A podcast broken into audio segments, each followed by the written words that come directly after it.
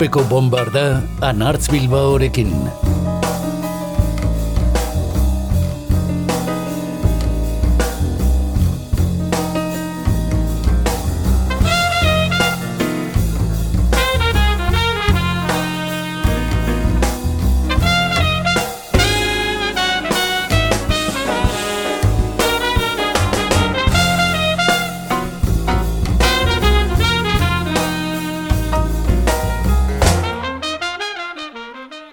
Urpeko bombardan gaur, kaukori kura, taurez zurdoz, Silvia Pérez Cruz, The Stooges, Queen Lurriz, Pixies eta Bob Dylan entzungo ditugu.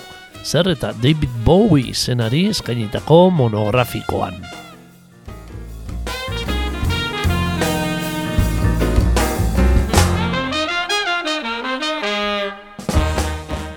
David Robert Jones, David Bowie, mila bederatzen da berrogeita zazpiko urtarriaren sortzian jaio zen Londresen. Eta bi mila eta amaseiko urtarriaren amarrean zendu New Yorken. Bizirik balego, barrikadako boni hil zen egunean, irurogeita mala urte beteko lituzke, baina bost urte igaro dira minbiziak jota hil zenetik.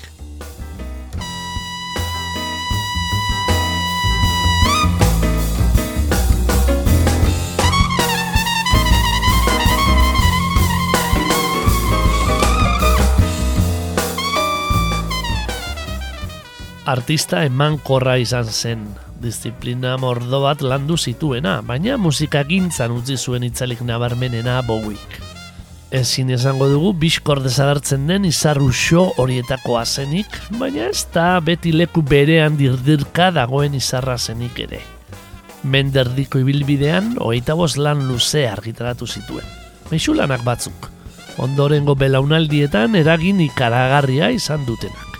David Bowie, kometa bat zen.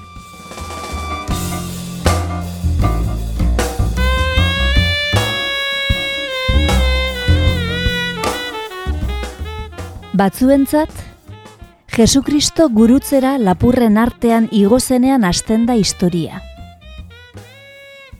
Beste batzuentzat aldiz, Leninek, txapelak enduz, botere osoa sobieterako deiadar egin zuenean Finlandiako geltokian. Niretzat, David Bowie kilia moztu zuen egunean.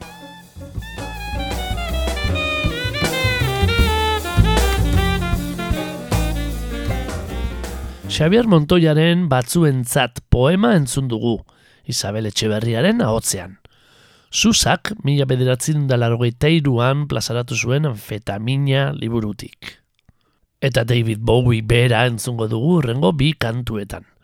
2008ko urtarlianen sortzian, jarraitzaileen arridurarako, bost urteko isiliunea utzi eta Black Star izeneko lana plazaratu zuen kamaleoiak. Irurogeita bederatzi urte betetzen zituen egunean bertan. Berazken diskoa. Bi egun geroago zendu baitzen. Ordurako, baziren amazortzi hilabete, gibeleko minbiziak jota zebilenetik, baina isil gordean mantendu zuen gaixotasuna David Bowiek. Gerora jakingo genuenez, Bowie beraren eriotza gai duen lana da Black Star. Berazken maixulana, zaleen arabera. Lazarus kantuan, oizuen dotoreziaz, zera kantatzen du. Begiratu gora, zeruan nago orain, ikusi ezin daitezkeen orbainak ditut. Badut drama ere, inork lapurtuko ez didana. Mundu guztiak ezagutzen dago orain.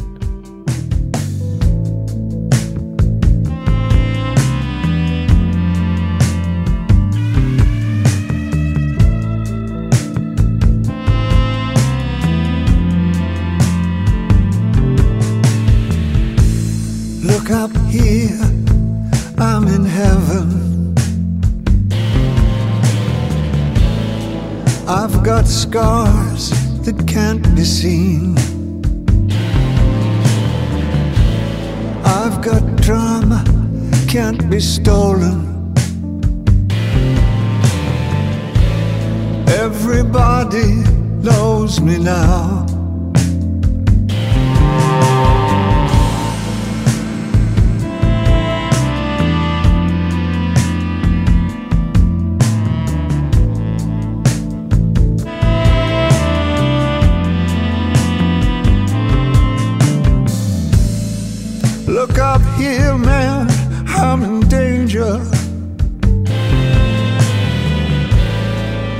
I've got nothing left to lose. I'm so high it makes my brain whirl. Drop my cell phone down below.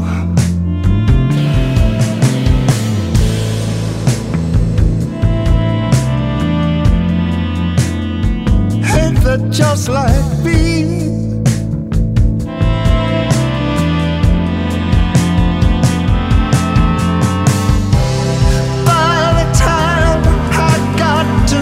I was living like a king.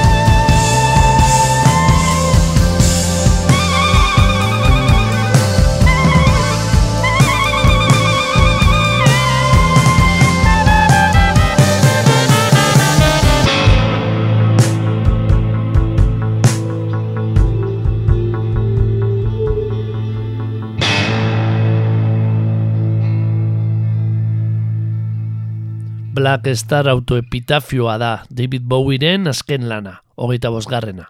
Baina oker gabiltza kamaleoiarenak egin duela uste badugu. Izarri leskorrekin gertatu den moduan, industriak beti izaten du bilduma behalde edo galdutako grabaketaren bat prest. Moskinak ematen dituzten bitartean, bederen. Zaleen gozamenerako. Gauzak horrela David Bowie zendu eta bost urtera single bat argitaratu berri da. Bi bertzio jasotzen dituena. John Lennon zenaren Mada, kantuaren abata, eta Bob Dylanen Trying to Get to Heaven bestea. Ezagutu berri ditugunak.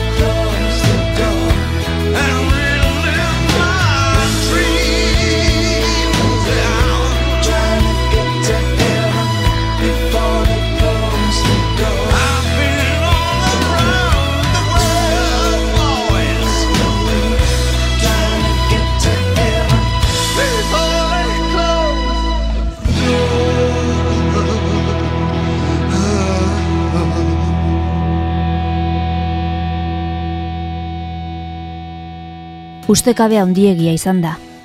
Diskoa atera berri zuen Blackstar 2013ko The Next Day nabarmenaren osteko segida, ia amarraldi oso bateko huts diskografikoa apurtzen zuena. Eta indar betean zetorren gainera, azkeneko edoare azken aurreko azalberritzea antzesteko gogoz balego bezala. Lemiren eriotzaren antzera, David Bowirena gure hilkortasuna berrestera dator, baina kontrako arrazoiengatik. Motorkideko buruaren ustezko ileskortasuna, ideia bakar batekiko fideltasunaren bermean oinarritzen bazan, Bowirenak aldaketa etengabean baitzuen oinarri. Swingin Londoneko mod eta psikodelia doinuetatik, Space Odditiko aire folki eta progresiboetara. Ziggy Stardusten glam eta zientzia fikzio gailurretik, irurogeita marreko amarraldi erdialdeko soul eta funk estilo ariketa mamitsuetara. Afterpunkaren ateak irekiko zituen Berlingo etapatik, Low Heroes eta Lodger trilogiarekin, New Wavearen erresakan ere nor zela frogatzeko bere aleginera, orduan sinatu zituen akaso bere lanik patxalenak.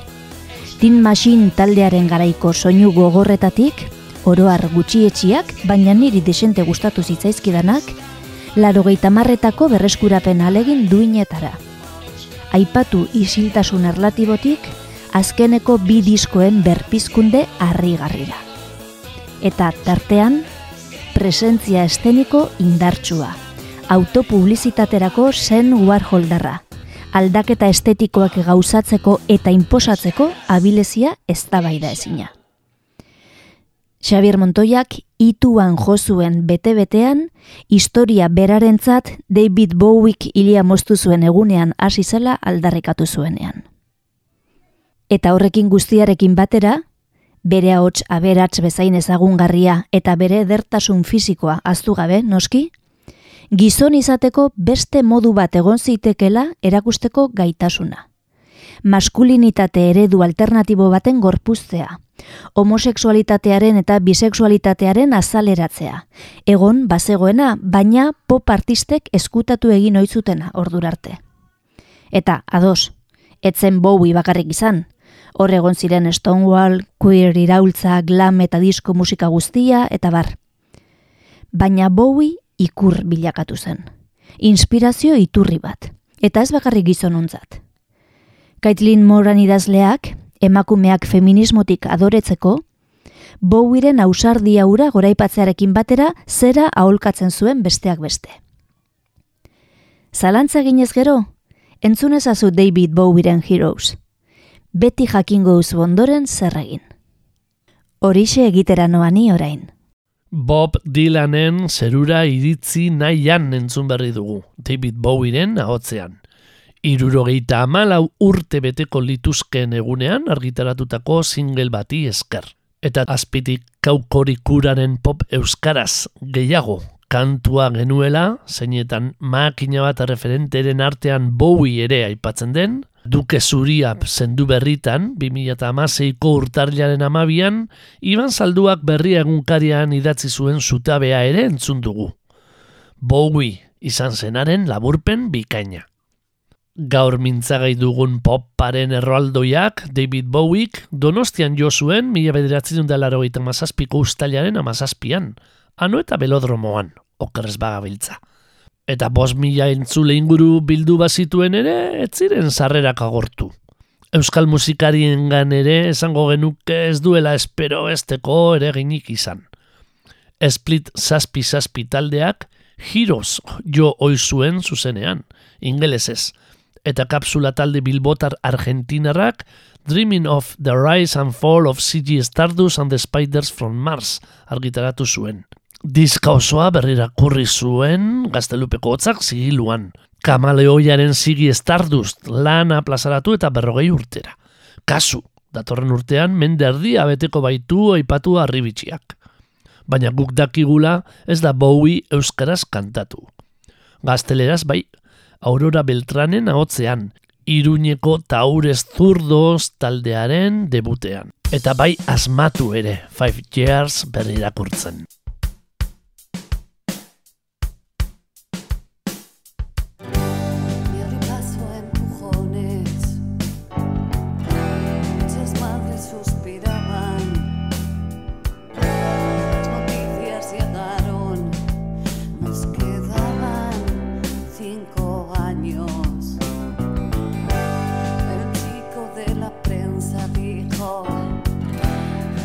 Tierra moriría. Cuando vi su rostro húmedo, supe que no mentía.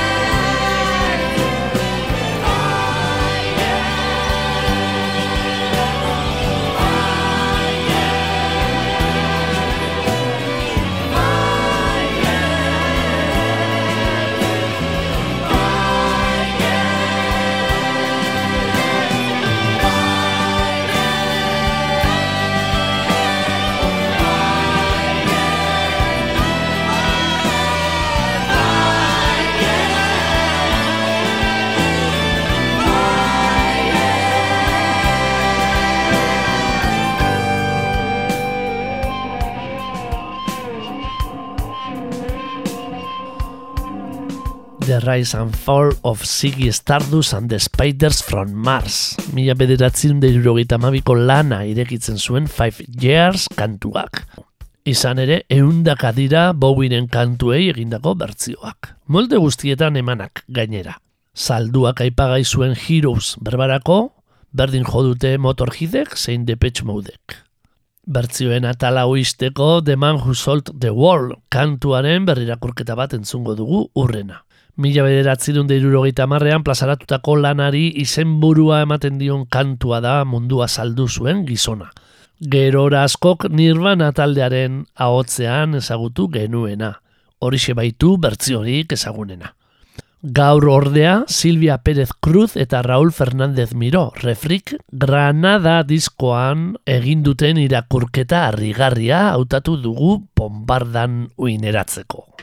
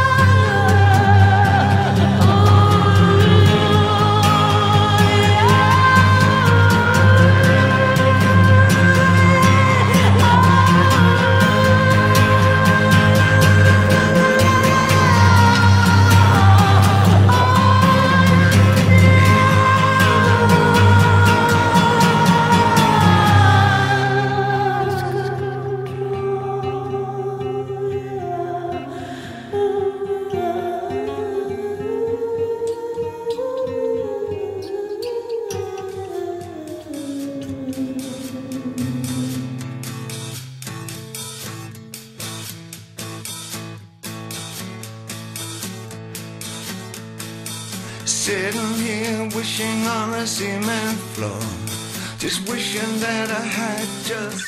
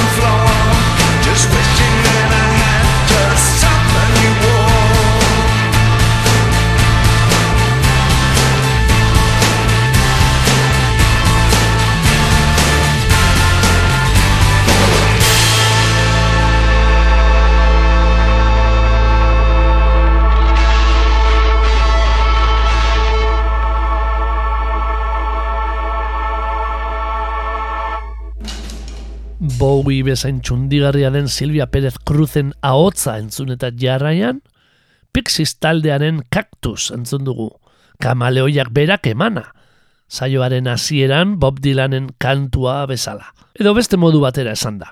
Entzun ditugu David Bowie egin zaizkion bertzioetako batzuk, eta duke zuria bera gustoko zituen musikariak berrirakurtzen.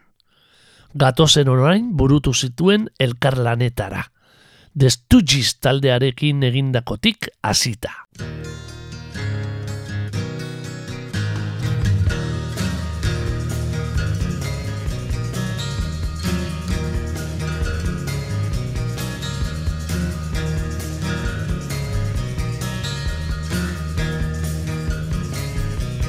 Danger, little stranger, and I'll feel you are peace. Give me danger, little stranger, and I'll feel your disease. There's nothing in my dreams, just some ugly memories. Kiss me like the ocean breeze.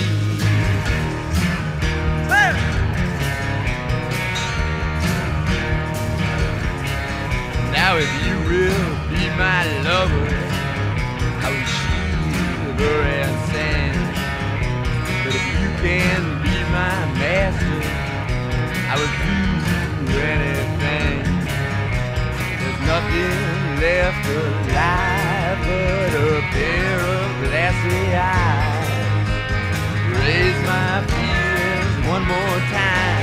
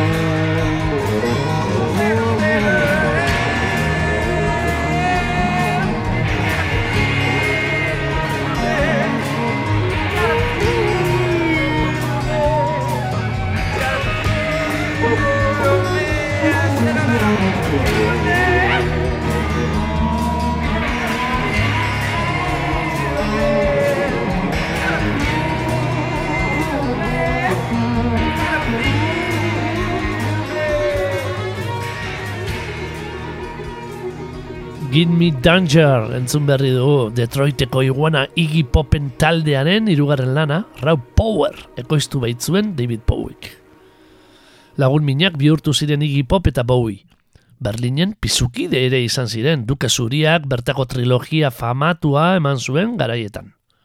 Alta, ez du gizaleek ez dute segula maite izan Bowie Raw Powerren egindako lana. Eta bai Iggy Pop berak egindako nahasketa, desente gordinagoa. Mila bederatzerun da irurogeita mairukoa da deztu gizen Raw Power. Baina Bowiek ekoiztutako lanak akorduan, ezin aipatu gabe utzi urtebete lehenagoko, mila bederatzerun da irurogeita mabikoa den Transformer, lurriz zenaren bigarren bakarkako lana. Bertakoa da Satellite of Love, urrena entzungo dugun kantu xumea. Bukaeran, kreskitinak eta otzo uluak erantzi zizkion Bowiek. Eta emaitza zoragarria da, lurrizek berak aitortu zuenez. Bikaina da, rock and rollean beste inork ez duen zentzu melodikoa du Bowiek. Adierazi eiz zuen lu zaharrak. Satellites gone up to the skies. Things like that drive me out of my mind. I watched it for a little while. I like to watch things on TV.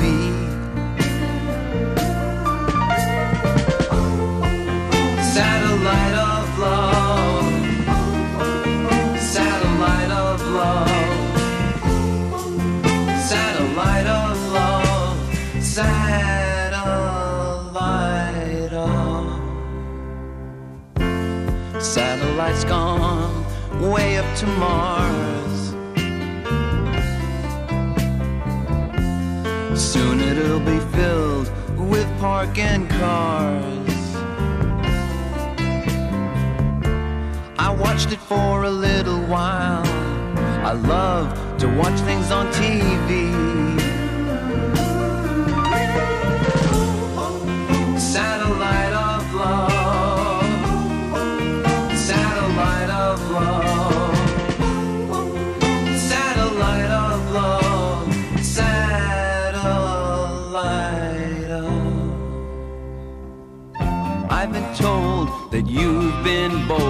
With Harry, Mark, and John. Monday and Tuesday, Wednesday to Thursday with Harry, Mark, and John. Satellites gone up to the skies. Things like that drive me out of my mind. Watched it for a little while. I love to watch things on TV.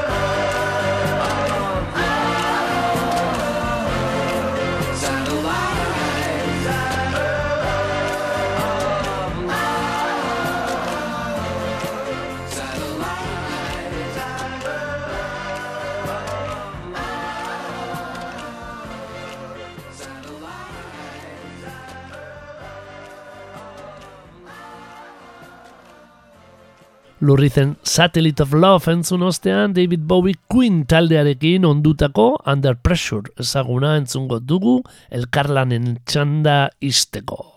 Under Pressure mila bederatzen da larogeita bateko urrian argitaratu zuten single bezala, eta urtebete geroagoko Queenen Hot Space diskoan gero. Oso ospetsua bihurtu den basu riff batekin hasten da kantua. Queen taldeko basu jole John Deaconen arabera, Bowie berak asmatutakoa eida rifa. Baina azken honek duke zuriak ezetz dio. Edozein kasutan, Bowiek laukotearekin elkarlanean ondu zuen kantua Suitzako estudio batean zirela, tirabira askoren ondotik. Eta azkenean gauza bakarrean egin zuten bat Freddie Mercuryk eta David Bowiek. Oso gaizki nahaztu eizutela Under Pressure.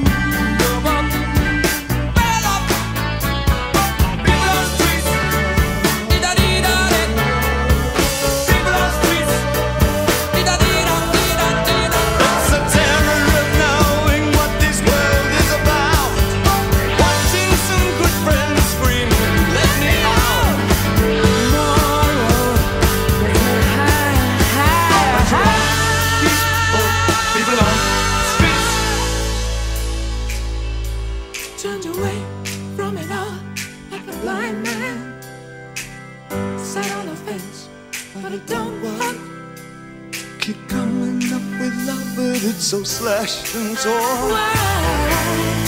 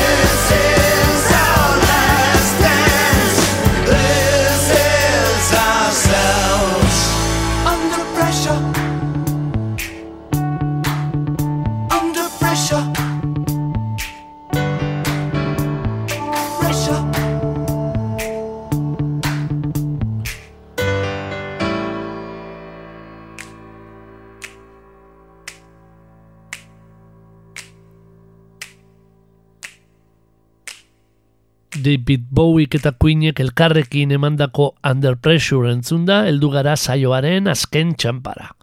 Baina bombarda berriro urpean gorde baino lehen beste bi kantu entzungo ditugu.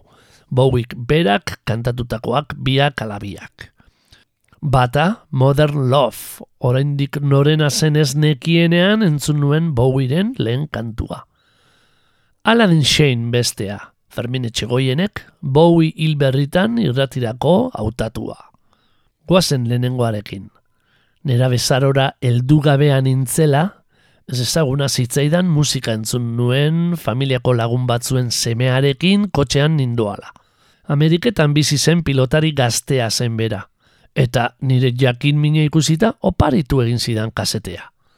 Amar amabi urte bueltan izango nituen, artean ertzainak eta besteak entzuten hasi gabean nintzela gogoratzen dut eta. Rock klasiko handien kantu bana zuen bilduma zen oparitan jaso nuena. Status Quo, Rolling Stones, Talking Heat eta beste askoren artean, gerora jakingo nuenez David Bowieren Modern Love. Euskal Punk taldeekin batera, bidaia sonikoaren abia puntu izan nuena.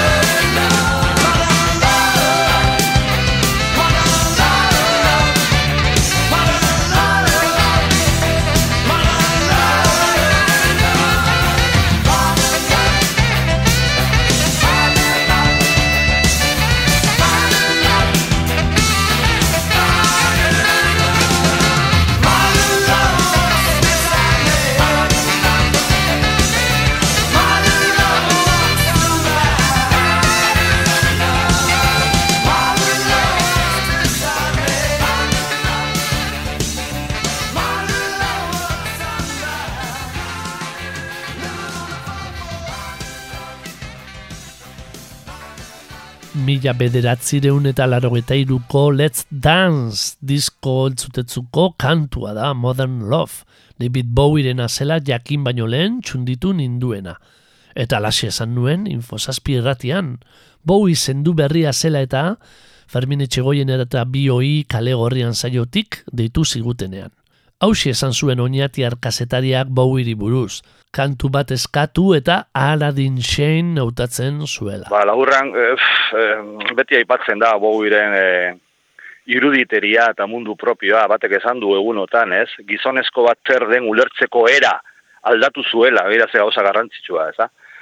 Eta dudabarik eh, alde horretatik izan da garria. Baina nik azpimarratu nahi dut eh, kantu egile gisa, euskala kantu harrigarriak, ez? Eh, bat ere simpleak ez direnak, eta hor eh, hasierako haiek, ez, ba, dela Space Oddity edo ez dakit, nei, Life on Mars adibidez irutzen zait kantu bat, harrigarria, bai harmonikoki eta nola eginik dagoen oso komplejua, baina alako batean komplejidade horren azte, eh, ostean, ba, le, leherketa bat hor, ez, estribilloaren bitartez, zera bat argitsua, bat kantagarria, ordan, dominatzen ditu, ze, jaren eh, pop kompozizioa alderik eh, simpleena, baina baita alderik komplejoena, ez? Aladdin Shane David Bowieren zeigarren lan luzea da. Jada izar handia zela argitaratua, mila bederatzen derurogeita meiruan. Eta diskoari izena ematen dion kantua, eskizofreniak jota zegoen Bowieren ainai orde terriri buruzkoa, antza denez. Gaur urpeko bombarda itxiko duen kantua ere bada. Birgeria bat iruditzen zait kantu hori, eza? Piano sarrera luze hori, hain jazzi eta hain e, ia, oso eklektikoa, hemen Bowieren gan, Bowieri buruz hitz egitean, ba, nagusitzen zaigun kontzeptua. Eta, bai, bueno, disonantziez betea, ez, e, eta gero alako batean hola azten den e, abesten, ez, ba, bauzka olakoak, sound and visions adibidez, ez, e, ba, pf, azten, azten zara kantu entzuten, da, alako batean pentsatzen, pentsatzen duzu, baita kantu instrumental bat izan daitekela, pieza instrumental bat, eta gero azten da mm, kantutan, bueno, eta funtzionatzen du momentu oro, ez birgeria bat, eta gaina, ale, pentsatu behar da, Bowiek Space Oddity, grabatu zuela, hogeita bi urte zituela. E, gero Hanky Dory, hogeita iru, e, Ziggy Stardust, ba, zesango dugu, hogeita bost, hogeita lau, olako zerbait, eta gainera Transformer diskoa berak produzitu zuen, berak eta Mick Ronsonen, eh? Ronsonek, hogeita bost urte zituen Bowiek orduan, ez? Benetan, pff, harrigarria. Eta horren garrantzia egi dauka, Billy Braggek, berriki esan duen moduan, e, Inglaterran orduan zeuden e, arte eskolak, ez? Esaten du, esaten du Billy Braggek, ez? Nola izan da posible hori? Eta hori, behin nik ruperri behin baino gehiagotan banio entzuna, ez? Generazio, belaunaldi ura. Zakit, e, Brian Ferry, e, Richard Thompson, e, ozeo, Beatlesen ondorengo generazioa esan dezagun, ez? Peter Gabriel, e, sekulako talentoak agertu ziren, eta nunbait arrazoietako bat da, bertan zeuden, arte eskola publikoak esan dezagun. Eta hori guztia bain kendu dute, noski, eta Billy Bragg ageri da egunotan, e, Bowieren eriotza dela eta, ba, hortaz kesu. Ez?